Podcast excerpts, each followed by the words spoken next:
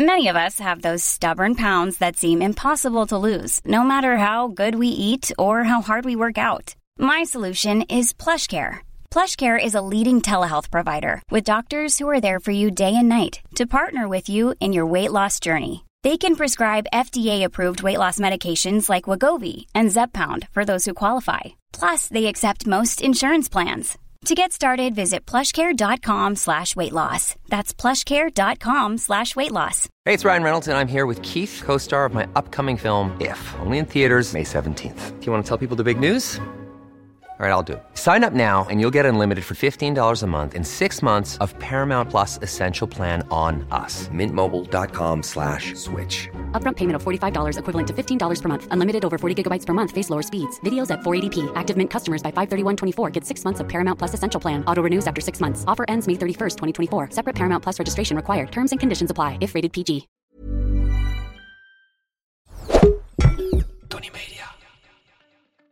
Vandaag in Schotschrift. Je zou mij kunnen kennen als columnist van de correspondent, als maker van de NRC-podcast Heine en van Teutem, of waarschijnlijker als bedweterige nerd op Twitter. Simon van Teutem.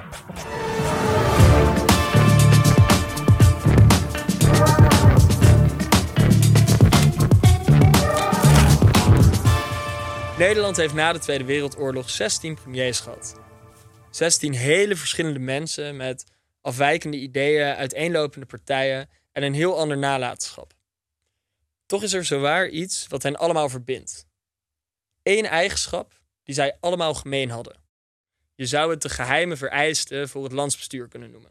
De vaardigheid die je absoluut in bezit moet hebben. Maar een vaardigheid is het niet. Het is een geslacht. Van Willem Drees tot Wim Kok, van Ruud Lubbers tot Jan-Peter Balkenende, van Joop den L tot Mark Rutte. Het waren stuk voor stuk kerels. Toeval? Tuurlijk niet. Het is geen geheim dat mannen en vrouwen in Europa jarenlang niet hetzelfde mochten of konden, zelfs wanneer de wet dat toeliet. Vraag het aan je familie, aan je ouders of aan je grootouders. Mijn oma die moest als puber naar een nonnenschool waar de dienstbaarheid erin geramd werd. Mijn moeder kreeg rond dezelfde leeftijd te horen dat ze ondanks haar hoge cijfers echt niet hoefde te gaan studeren. Gelukkig had ze er scheid aan. Inmiddels leven we in een andere tijd. Sinds 1984 is abortus niet meer verboden. Conservatieve familiestructuren worden langzaam maar zeker ontmanteld. De laatste jaren gaan er in Nederland meer vrouwen dan mannen naar de universiteit. Maar denk ik aan politiek, dan voelt het toch iets oncomfortabel. En hoe komt dat? Nou, misschien omdat we meer dan 100 jaar na invoering van het vrouwenkiesrecht nog steeds geen vrouwelijke premier hebben gehad. Misschien omdat er in 1997, toen ik geboren werd, nog steeds twee keer zoveel mannen als vrouwen in de Kamer zaten. Maar nee, het probleem is niet alleen die feitjes, die schakeltjes en die metertjes. Het is veel groter, veel zichtbaarder dan dat, als je bereid bent op te letten. Het is het onversneden seksisme naar vrouwelijke politici dat je in Europa nog steeds dagelijks tegenkomt. In gesprekken, in kranten, op tv.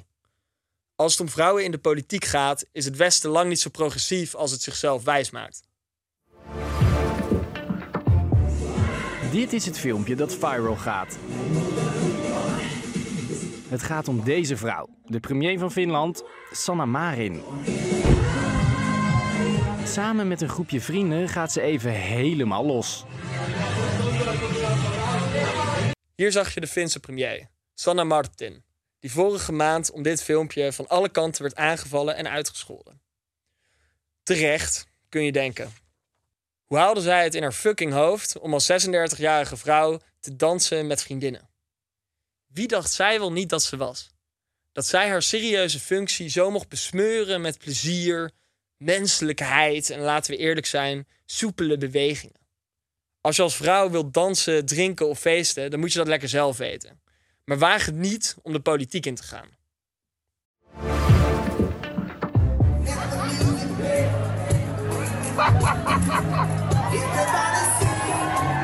Wat zie je hier? Boris Johnson, een half jaar voordat hij premier van het Verenigd Koninkrijk werd. Boris, zoals hij liefkozend genoemd wordt. Boris danst hier alsof hij niet alleen beschonken is, maar ook een paar sleutelpunten paardenverdovingsmiddel in zijn neus heeft zitten. Maar ja, Boris doet soms nou eenmaal een beetje gek. Zo werd hij bij zijn eerste baan als journalist ontslagen vanwege het verzinnen van een citaat. Als schaduwminister raakte hij opnieuw zijn baan kwijt. Deze keer had hij gelogen over een affaire. De beste man heeft zeven kinderen van drie vrouwen. Maakt een van die dingen hem ongeschikt als premier? Ben jij gek? Boys will be boys. Het is een dubbele standaard die je ook in Nederland ziet, van voetbalclubs tot sociale media. Uit onderzoek van de Groene Amsterdammer en de Utrecht Data School bleek vorig jaar dat meer dan 10% van alle tweets gericht aan vrouwen op kieslijsten haatdragend of zelfs bedreigend zijn. Hashtag hacks, hashtag kutkaag. Maar klassieke media lopen vrolijk mee in deze incel-polonaise. Zij gooien olie op het vuur van de vooroordelen en de zee aan stereotypen. Hetzelfde onderzoek keek naar de meest voorkomende woorden in 245 interviews in kranten en tijdschriften. Bij mannelijke politici bestuurstaal als financiën, rechtsstaat of plannen. Bij vrouwen woorden als vrouw, dochter, meisje. Wee als zij het over hun werk of expertise gaan hebben. Maar het gaat ook om beeldvorming. Google maar eens foto's die de Telegraaf kiest bij stukken over Sigrid Kaag. Maar van wie komt die haat, dat politieke seksisme? Dat komt juist van lapsvanzen zonder vooruitzicht. Die bij het zien van een sterke vrouw niet anders kunnen dan hun onderbuik leeg brullen, als permanente en onbeteugelbare diarree uit hun mond. Ooit werden ze afgewezen op een schoolfeest en sindsdien is er niets wat hen zo laat schuimbekken als een vrouw met macht. Het is hetzelfde gif waardoor een paar halfgare Bussumse gehaktballen van het Amsterdam Studentenkoor deze zomer in een toespraak vrouwen omschreven als hoeren en sperma-emmers. Als bedenkt om op 24 juli op een zondag in de mooiste jurk naar de NDSM-werk te geven, is hij een Exact. De diepe rot in mannenhoofden is niet voorbehouden aan één sociale achtergrond of regio, maar vind je van Naardense villa-wijken tot rijtjeshuizen in Kralingen.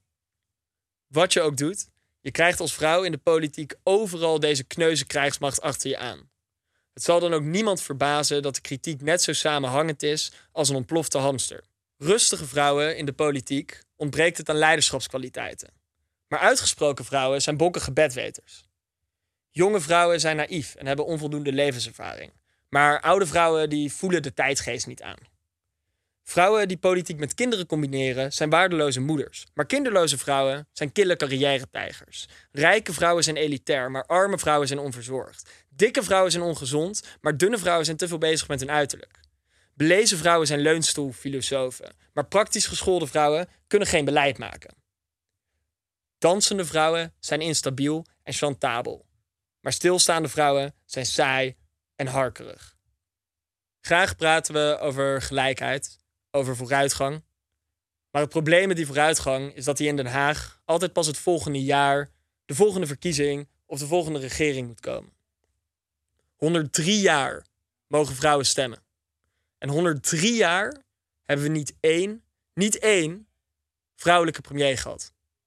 De onderbuik voert wat dat betreft nog steeds de boventoon in dit land. Trek hier een streep en zeg tegen elke seksist met dubbele standaarden: Mens, ga toch koken. Normaal gesproken nemen columnisten alleen de maatschappij onder schot. Maar in schotschrift nemen wij direct daarna ook de columnist onder schot. Simon, Willem, hoi. hoi, Wat een heerlijke column heb je geschreven. dankjewel. Ehm, en wat verrassend ook. En wat kom je toch op een hoop nieuwe inzichten. Ehm, heb ik de column goed eh, begrepen als ik daar eigenlijk uit heb gehaald als belangrijkste punt dat eh, jij seksisme slecht vindt? Nee, nee, dat heb ik niet go- goed begrepen. Het, het gaat erom dat we best op heel veel vlakken progressiever zijn geworden. Als, als Nederland en als Europa. Maar dat hoe er met vrouwelijke politici omgegaan wordt nog een soort van blinde vlek is. Een soort van discrepantie in dat steeds progressiever worden van, van ons. En dat probeer ik aan te kaarten. Dus seksisme is dus eigenlijk slecht, Ja, zeg jij. ja precies, dat zeg ik. Ja. Hoe heb je dit eigenlijk allemaal zo... eh, hoe ben je hier opgekomen op deze mening?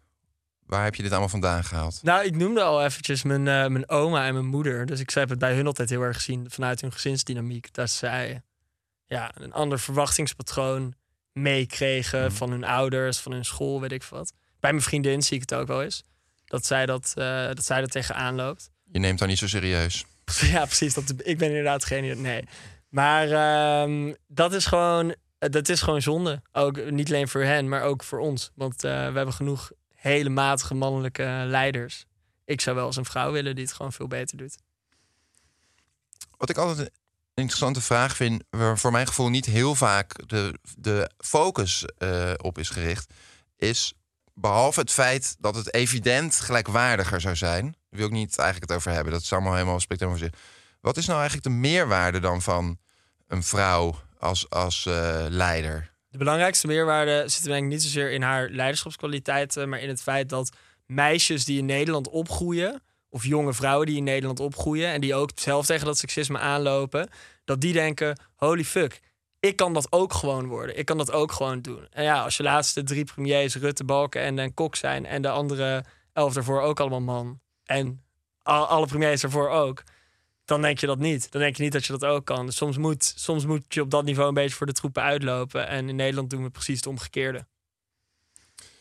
Is dat, is dat niet ook een overschat punt, zeg maar? Zouden vrouwen echt denken van overal, eh, behalve inderdaad als premier, zie je wel vrouwen. Ik heb niet over de verhouding, maar je ziet ze aan de top, gewoon als CEO, als minister, echt ook op de belangrijkste functies. Ze komen daar ook voor. Ja. De ene plek is de verhouding beter dan de andere.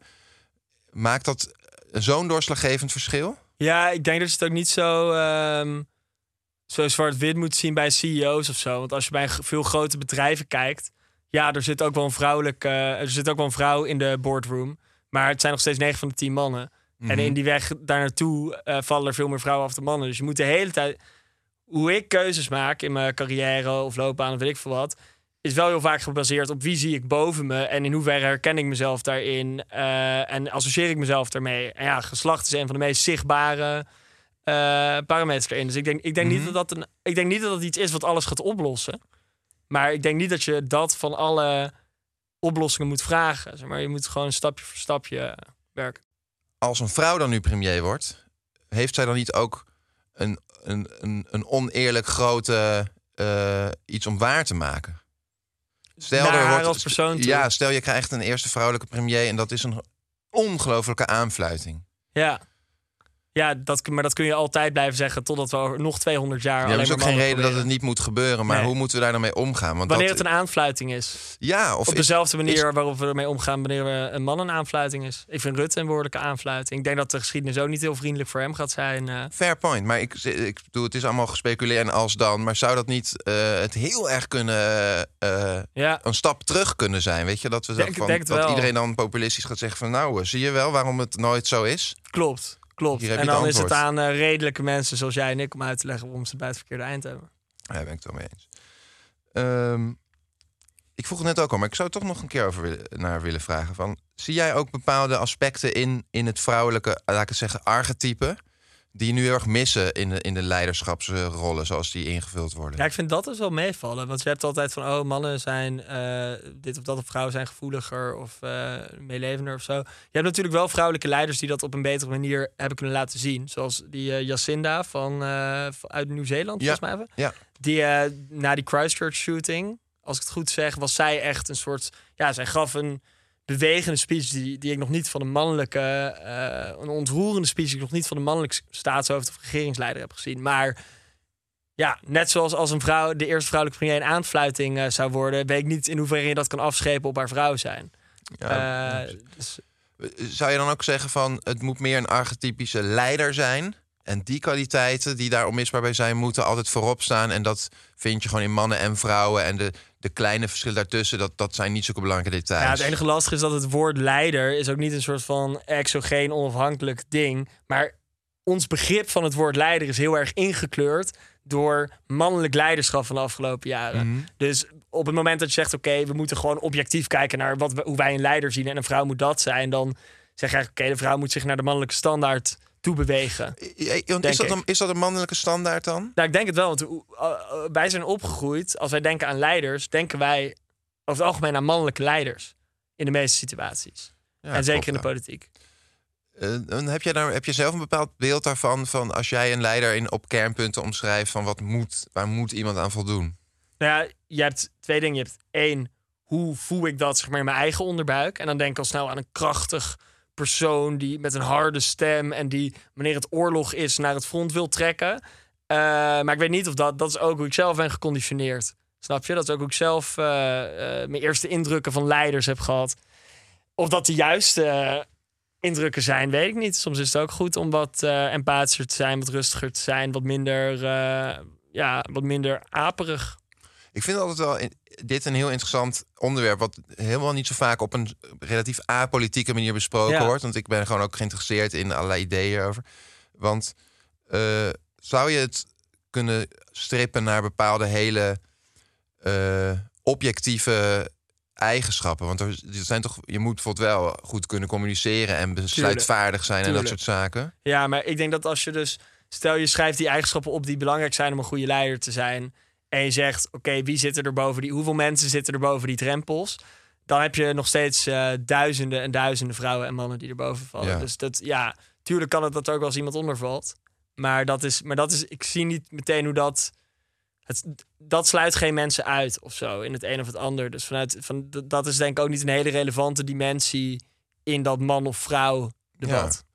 hey, en hoe, hoe eh, misschien een onderwerp wat hier een beetje naast ligt. Hoe, hoe kijk jij nou tegen een, een quotum aan op, op, als het gaat om eh, man-vrouw verdelingen? Ja, het is dat je dat zegt, want ik was er heel lang tegen, omdat ik dacht, ik probeer mezelf ook dan in een vrouw te verplaatsen. En wanneer je daar zit met een quotum, dan krijg je ook tegen van allemaal mensen te horen van, oh, jij zit hier niet op je kwaliteit of weet ik veel wat. Maar omdat ik net, eh, dus was ik echt best wel eh fel tegen. En ik denk nu dus best wel vaker van, het is een soort catch-22 waarin je vrouwen gaan zich pas voor bepaalde dingen soms aanmelden of gaan pas voor bepaalde dingen als zij zich, wat ik net ook zei, als zij zichzelf daarin herkennen. Dus soms moet je heel even voor de troepen uitlopen. En ja, dat, dat is dan misschien soms oneerlijk voor mannen die op dat moment betere kwaliteit hebben. Dat is dan misschien kut voor de vrouwen die er zelf ook zitten. Omdat zij dat vooroordeel nog eh, tot de macht 3 in hun gezicht eh, geploft krijgen. Maar als dat betekent dat mensen, dat meisjes uiteindelijk dezelfde keuzes durven maken als mannen, dan is dat pure winst. Denk. Is dat op lange termijn ook niet eh, problematisch. Dus ik ben, ik ben daar wel. Ik weet niet of ik er echt een harde voorstander van ben. En ik zou liever andere middelen ook eerst inzetten. Maar ik ben er zeker geen tegenstander meer van. Ja, je moet er eigenlijk zeg je pragmatisch naar kijken. Want het zou ergens toch wat pijnlijk of wat krommig voelen als je zegt... de volgende premier moet, Moet een een vrouw, zijn. zijn, Ja. als een arbitrair gegeven. Klopt. En je, je, je Terwijl kan in de praktijk is het misschien wel echt beter, want dan wordt die stap eens een keer gezet. Ja, ja, ja, dus je moet er. Wat, dat is ook het grappige. Deze discussie vervalt heel vaak juist in het hele gevoelige. Hè? En dat, dat, dat mensen voor- en tegenstanders zich, elkaar daar heel erg op raken. Maar volgens mij moet je er heel zakelijk naar, naar, naar kijken. Stel je wil de allerbeste premiers in de aankomende 50 jaar. Dan is het van groot belang dat vrouwen ook denken dat ze premier kunnen worden. Omdat je anders een hele grote groep goede kandidaten uitsluit. Vanaf dat oogpunt kun je heel zakelijk zeggen: de volgende premier moet een vrouw zijn. Ondanks dat diegene marginaal minder goed is dan eh, een mannelijke tegenkandidaat. Dus, dus ik denk dat we, als we naar dat zakelijke trekken, dan kun je een veel leuker en interessanter gesprek hebben over quota dan, dan nu het geval is. Het, het Verenigd Koninkrijk heeft gewoon al twee vrouwelijke premiers gehad. En over een maand hebben ze waarschijnlijk de derde. Met... Hoe werkt dat dan? Dat zijn toch hele conservativo's? Ja, maar ze zijn op het gebied van eh, gendergelijkheid en ook op het gebied van raciale gelijkheid, denk ik, echt een heel stuk verder dan wij zijn. Eh, ik, woon, ik woon er nu vijf jaar en als je kijkt hoe daar over immigratie en integratie wordt gesproken of zo, dan zijn wij echt nog een soort van. Ons debat staat echt nog redelijk in de kinderschoenen. En je hebt daar natuurlijk ook islamofobie en eh, andere problemen of mensen die het, het gesprek niet normaal kunnen voeren. Maar eh, ja, zeker in de grote steden natuurlijk, als je Londen vergelijkt, maar, maar ook Oxford vergelijkt met, met Amsterdam, dan eh, mengt dat echt wel op een veel interessantere manier, denk ik. Jij eh, probeert een wit voetje te halen bij de vrouwen. Schitterend. En ik ben er helemaal voor. Maar denk je ook wel eens na over prachtige vergezichten... waarin het allemaal wel goed gaat? Ja, ja daar denk ik wel eens over na, ja. En mogen wij ook eh, een kijkje over... hoe noem je dat ook weer? Een- kun je een tipje van de sluier oplichten voor ons? Eh, eenvoudige, niet nadenkenden. Hoe, hoe een utopie er op dit gebied eh uit. Nee, ik wil geen utopie. Ik wil een realistisch eh, voors- hè, dat je ons een realistisch beeld voorspiegelt... waarbij we gewoon weg kunnen dromen en ook hoop krijgen. Ehm, ik, we, we moeten toe naar, naar een werkelijkheid waar je aan je kind probeert uit te leggen dat er ooit een discussie over een quotum was. En dat kind, of het nou een jongetje of een meisje of iets ertussenin of erbuiten is, denkt: waarom? Oké, begrijp ik. Je wilt toe naar een situatie waarin je de discriminatie of de ongelijkheid voorbij bent. Dus Nou, waarin ah, mensen het gewoon ook niet meer begrijpen. Niet waarin je het voorbij bent, waarin mensen niet begrijpen waarom dat überhaupt een probleem zou zijn. Is ook zo, maar het is een beetje hetzelfde als die hele column van je. Een groot deel ervan is heel mooi opgeschreven. Maar het is ook een beetje, er is bijna niemand echt zwaar mee oneens. Maar heb je, eh, ik ben wel benieuwd of je daar ook over nadenkt van wat, wat zou dan, welke stappen moeten we daar nou naartoe nemen? Ik denk dat, nee, maar dat vind ik leuk dat je het zegt van niemand is er oneens wanneer het, eh, niemand is ermee oneens als je het uitspreekt. Eh, als individu zijn mensen er niet mee oneens. Maar als je kijkt naar hoe groepen zich gedragen. En ik denk dat jij ook als, als, als man wel in, in mannengezelschap. Ik heb dat filmpje net van de AC laten zien. Maar ook in een voetbalkleedkamer. Of, of bij een studentenvereniging. Of bij een De bowlingteam. Tiffany Bergman ook, hè? Die zei toen van, jij zal ook wel. Jij als individu... Ja, en ik ook, hè? Ik ook. Ja, maar ik, Dus- ik ben hier de interviewer. Ik, ik, ik, je Oké, nou, ik, heb, ik ben ook in, in mannengezelschap geweest en ik kan het hier eh, hartstochtelijk mee eens zijn. Maar als ik 15 jaar oud ben en er wordt een vrouwenvriendelijke grap gemaakt in de, in de voetbalclubchat of zo, dan, dan hield ik ook gewoon mijn bek. En daar moeten we vanaf, zeg maar. Dat mensen die. eh, zo, en ook soms is dat zelfs nog. Ik denk zelfs dat veel mensen die het hier wel uitgesproken mee eens zijn, ook gewoon een beetje een seksistische inborst hebben. Of, of ik denk van mezelf ook wel dat ik eh, misschien sneller door, door vrouwen soms heen praat in groepsverbanden dan door mannen. En dat is, dat is de stap die je moet zetten. Dat je gewoon bij jezelf nagaat. Nu van- zeg je eindelijk eens echt iets interessants. Dus moeten we niet ehm, meer aanvaarden ja. dat...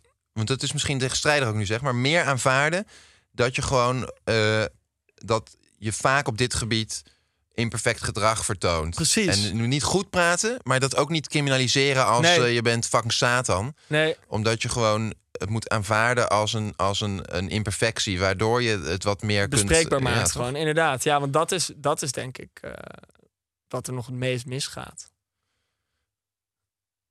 En hoe zou dat dan idealiter gezien eh, aflopen als jij dan die man in die voetbalkantine bent die dan zegt van, hé, dit vind ik echt niet, niet gaaf. ja, matten natuurlijk. Ja, maar Zoals dat hoort in de voetbal. Nee, grapje. Nu zeg ik dat was Nee, best iro- ironisch als man, dat mannen dan weer op de vuist gaan. Maar ehm, ja, ik vind het gewoon leuk om er even over door nee, te dat zagen. vind ik een want- interessant punt. Alleen mensen, wat wel lastig is, is dat mensen niet, mensen zijn zeker wanneer het op dit onderwerp aankomt, helemaal niet goed in het accepteren van kritiek. Dus ik denk dat je daar heel subtiel. Ik denk ook niet dat je in dat moment iets moet zeggen. Ik denk dat je gewoon op een. Want dan voelen mensen zich meteen verneukt. Van. Maar ik ben geen seksist, want ik heb ook. de- en de- de- en ik heb ga dus- zelf ook met vrouwen om, ik neuk ze zelfs. ik en heb ik net ben nog een mens. frikandel van een vrouw besteld. Nee, ja, dat krijg je gewoon. En eh, dus je moet, je moet eh, eh, mannen onderling moeten ook gewoon ja, op de fiets naar huis van de voetbalclub even zeggen: hey, by the way, dat, dat je dat zei, dat was eh, best wel matig van je.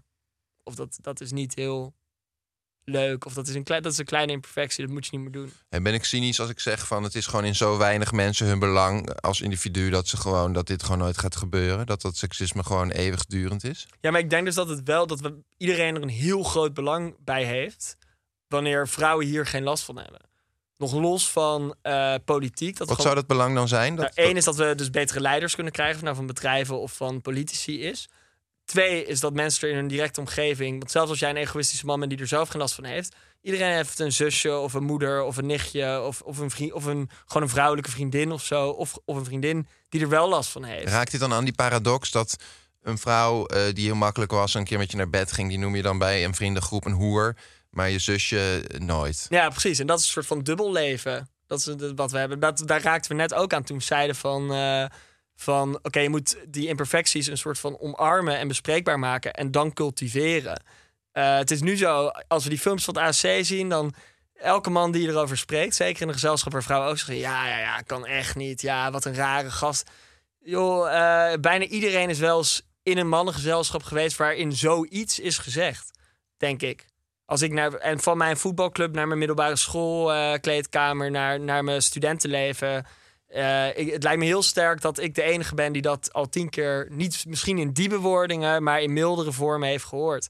Dus daar moeten we gewoon eerlijk over zijn. En eh, het is te makkelijk om alleen maar dan een paar daders af te Komt daar weer niet zo'nzelfde catch-22 bij kijken trouwens? Dus dat je, als je heel erg van bovenaf gaat zeggen van niet meer eh, spot drijven of grappen maken... Ja. dan wordt het een geforceerde, niet authentieke ontwikkeling. Heel erg, ja. Nee, maar daarom moet je het juist heel... heel, eh, dit is niet iets wat je, kan wat je heel makkelijk kan Het is reguleren. echt lastig, toch? Want ik vind, ik kan nu alles gaan zeggen wat, wat ieder deugend mens Ja. vindt. Maar ergens eh, voel ik ook altijd een beetje dat ik alert word van hé, maar je moet, je moet wel ook grensoverschrijdende grappen kunnen maken met welk doel dat dan ook is. Want daar zit ook een soort eh, vrijheid. En dat Tuurlijk. geldt natuurlijk in alle richtingen. Dus met Nee. seksisme is het ik wel denk heel dat die dingen makkelijk. ook niet zo bot. Ik denk dat die twee dingen, dat artistieke vrijheid en dat helemaal niet zo botst als, als, als, mensen denken. Omdat een, een, een, een vrouwonvriendelijke grap in een vrouwvriendelijke context, in een vrouwvriendelijke samenleving.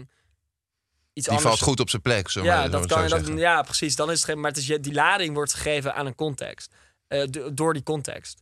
Dus eh, je moet het ook niet. Daarom zeg ik ook dat een quotum niet het eerste middel is waarmee ik het zou doen. Het- Misschien is het ook nodig, zou kunnen. Maar het gaat vooral erom dat mannen elkaar. Moet er niet een keer zo'n gast bij zo'n studentenvereniging opstaan? En dan kom ik weer even op die humor terug. Hè? Die, die, die, Ja. die ineens inziet van... het is gewoon fucking veel grappiger als ik nu gewoon mannen gewoon helemaal gewoon de grond in boor, Ja. boor als een stelletje zielige rukkers. Ja. Want dat is spannender qua Precies, humor. ja, nee, Zelfs ook binnen veel die verrassender. plek. Ja. en ook als je dat betoog ziet van die ASC'ers. Het is echt misschien wel de minst grappige toespraak die, die ik ooit heb gehoord. Het is gewoon letterlijk, oh, Om even mijn vorige punt weer onderuit te halen. Ja. Maar ik wilde dat wel even Ja. ter discussie stellen. hey, eh, Simon, we zitten heerlijk te praten. Het gesprek gaat kletsen. soepel. Ik, ehm, ik heb ook het idee dat we wel eens wat aanstippen. Wat leuk is voor mensen om te horen. Zullen we nog afsluiten met een paar mooie, misschien licht idealistische eh, voorspiegelingen? Waarbij we dan de, de toekomst heel erg. eh, eh, Ja. eh, doe, Dus- je ogen, doe je ogen dicht. Wat zou jij willen zien, Willem? ja, ik wil niet tegengas geven als je de vraag naar mij terugdraait. Maar mag ik hem toch eerst bij jou neerleggen? En dan sluit ik er zo bij aan. Jij hebt hier wel meer over nagedacht dan Oké, ik, ja. met alle respect. Eh, wat, maar zie jij dingen voor je? Denk je daar wel eens over na? Vind je dat leuk om over te filosoferen? Maar dus tussenstappen, van als je het heel reëel gaat maken... en niet Ja. te dromerig of, of, of, of, op, op, op ideeën gebaseerd... maar meer op concrete gebeurtenissen of op wat... ja, ik zou het wel lekker vinden om op de korte termijn een keer een, eh, verkiezingsstrijd te zien. Tussen, eh, waarin, het, en wanneer, waarin het echt over de inhoud gaat. Tussen een man en een vrouwelijke premierskandidaat. Want ik, heb, ik kan me niet herinneren dat ik dat ooit in Nederland eh, heb gezien. Eh, het is altijd toch wel een beetje duidelijk dat dat het een man wordt. Dus niet alleen dat, dat het aannemelijk is dat het een vrouw kan worden, maar ook dat binnen dat frame Maar ook binnen twee partijen of binnen de partij... waarvan het aannemelijk is dat die de premier gaat echt, leveren? echt, echt, echt voor, tijdens de verkiezingen van verschillende partijen die, waarbij het onduidelijk is wie het gaat worden. Want binnen de partijen hebben we natuurlijk met Rita Verdonk en de VVD, ja, die had, het ook, die had toen ook al best wel goede papieren eh, om het eh, te doen. Het was in 2008 of zo, denk ik. Dus toen was de VVD nog niet aan de macht. Maar maakt Kaag kans? Ja, dat weet ik niet. Ik ben niet. eh, Ik, Kaag is wel echt een extreem goed voorbeeld van iemand die, die niet normaal veel bagger naar de hoofd krijgt. Niet omdat ze iets verkeerd doet, maar gewoon echt omdat ze vrouw is. Zij, zij is echt iemand die die onbeteugelbare diarree bij mensen oproept. Maar, eh, er zit wel iets in, als ik nog een keer naar je column terug mag... dat bij Kaag heel veel kritiek die zij krijgt... vind ik wel terecht. Ja. Maar dan zou ik wel echt moeten toegeven... Dat, dat, ik dan, dat mannen die dan steeds minder krijgen... en in een afgezwakte vorm. ja, Want zij wordt dan als elitair gezien. En ik vind haar ook heel elitair. Is maar bij ja. haar is dat dan een veel groter probleem. Precies, ja, en daar is dan ik hoe het. eh, en, maar ja, ik vind ook, ik ben niet een heel groot fan van, van eh Kaag politicus. Maar dat komt denk ik ook. Ik denk ook dat zij gewoon het plezier erin is verloren door die shit die ze krijgt. En dat, en dat, dat moet je als, als idealiter, als goed politicus, doe je dat niet. Maar ik begrijp het wel als iemand met een fakkel voor je huis staat en eh, je adres wordt gedeeld. En je krijgt dagelijks gewoon tientallen, honderden haatbrieven of, of tweets. Dat ik, ja, ik zou dan ook wel daar redelijk het eh, plezier in mijn baan verliezen. Wie is jouw droompremier? Zo. In Nederland? Nou, ik zat e- eerst aan Bulgarije te denken. En dan kijken we daarna naar Nederland. Een vrouwelijke vorm van, eh, van Willem Treur. Wilhelmina Treur is mijn eh droompremier. En even een serieus antwoord. Nee, ik ga er geen... Nee, maar heb je daar echt geen... eh, is er niet iemand die jou inspireert? Zegt, dat is zo'n Er bijzonder zijn wel mensen die mij inspireren, maar niet, er zijn geen, eh, ik heb geen eh, droompremier in Nederland. Zeker nu niet. Ik heb, ik heb ook niet heel veel... Ik heb ook heel veel mensen in de Tweede Kamer zitten... waarvan ik denk, oké, dit zijn eh, mensen die, die ontzettend goed eh, werk doen. Maar ik ben het dan nog heel vaak heel erg oneens met ze of zo. Dus ik heb niet, ja... Ariep? Zij zou, zij zou, als ik zeg wie is de minst slechte premier, eh, premierskandidaat... dan zou ik haar in plaats van ideale... dan zou ik Ariep wel redelijk hoog op mijn lijst staan, ja. Ik moet zeggen dat, het, dat ik dat zeg niet heel geïnformeerd is, maar meer op, op het gevoel dat ik haar altijd heel imposant vind. En ongelooflijk, eh, best wel indrukwekkend Ja, en heel eh, inhoudelijk. overwicht vindt hebben. Ja, dat heeft ze, ja, klopt. Nou, dat is toch wel een mooi einde. Is- ook en leuk is ook nog iemand met een migratieachtergrond. Ja, Hoe, hoe fris is dat wel niet? twee vliegen in één klap, inderdaad. Fantastisch. Zou u ook graag eh, moreel zo'n goed kompas willen als Simon van Teutem? Volg die jongen op internet, lees de stukken en blijf ook luisteren naar Schotschrift, waarin we u de meest mooie ideeën voorspiegelen.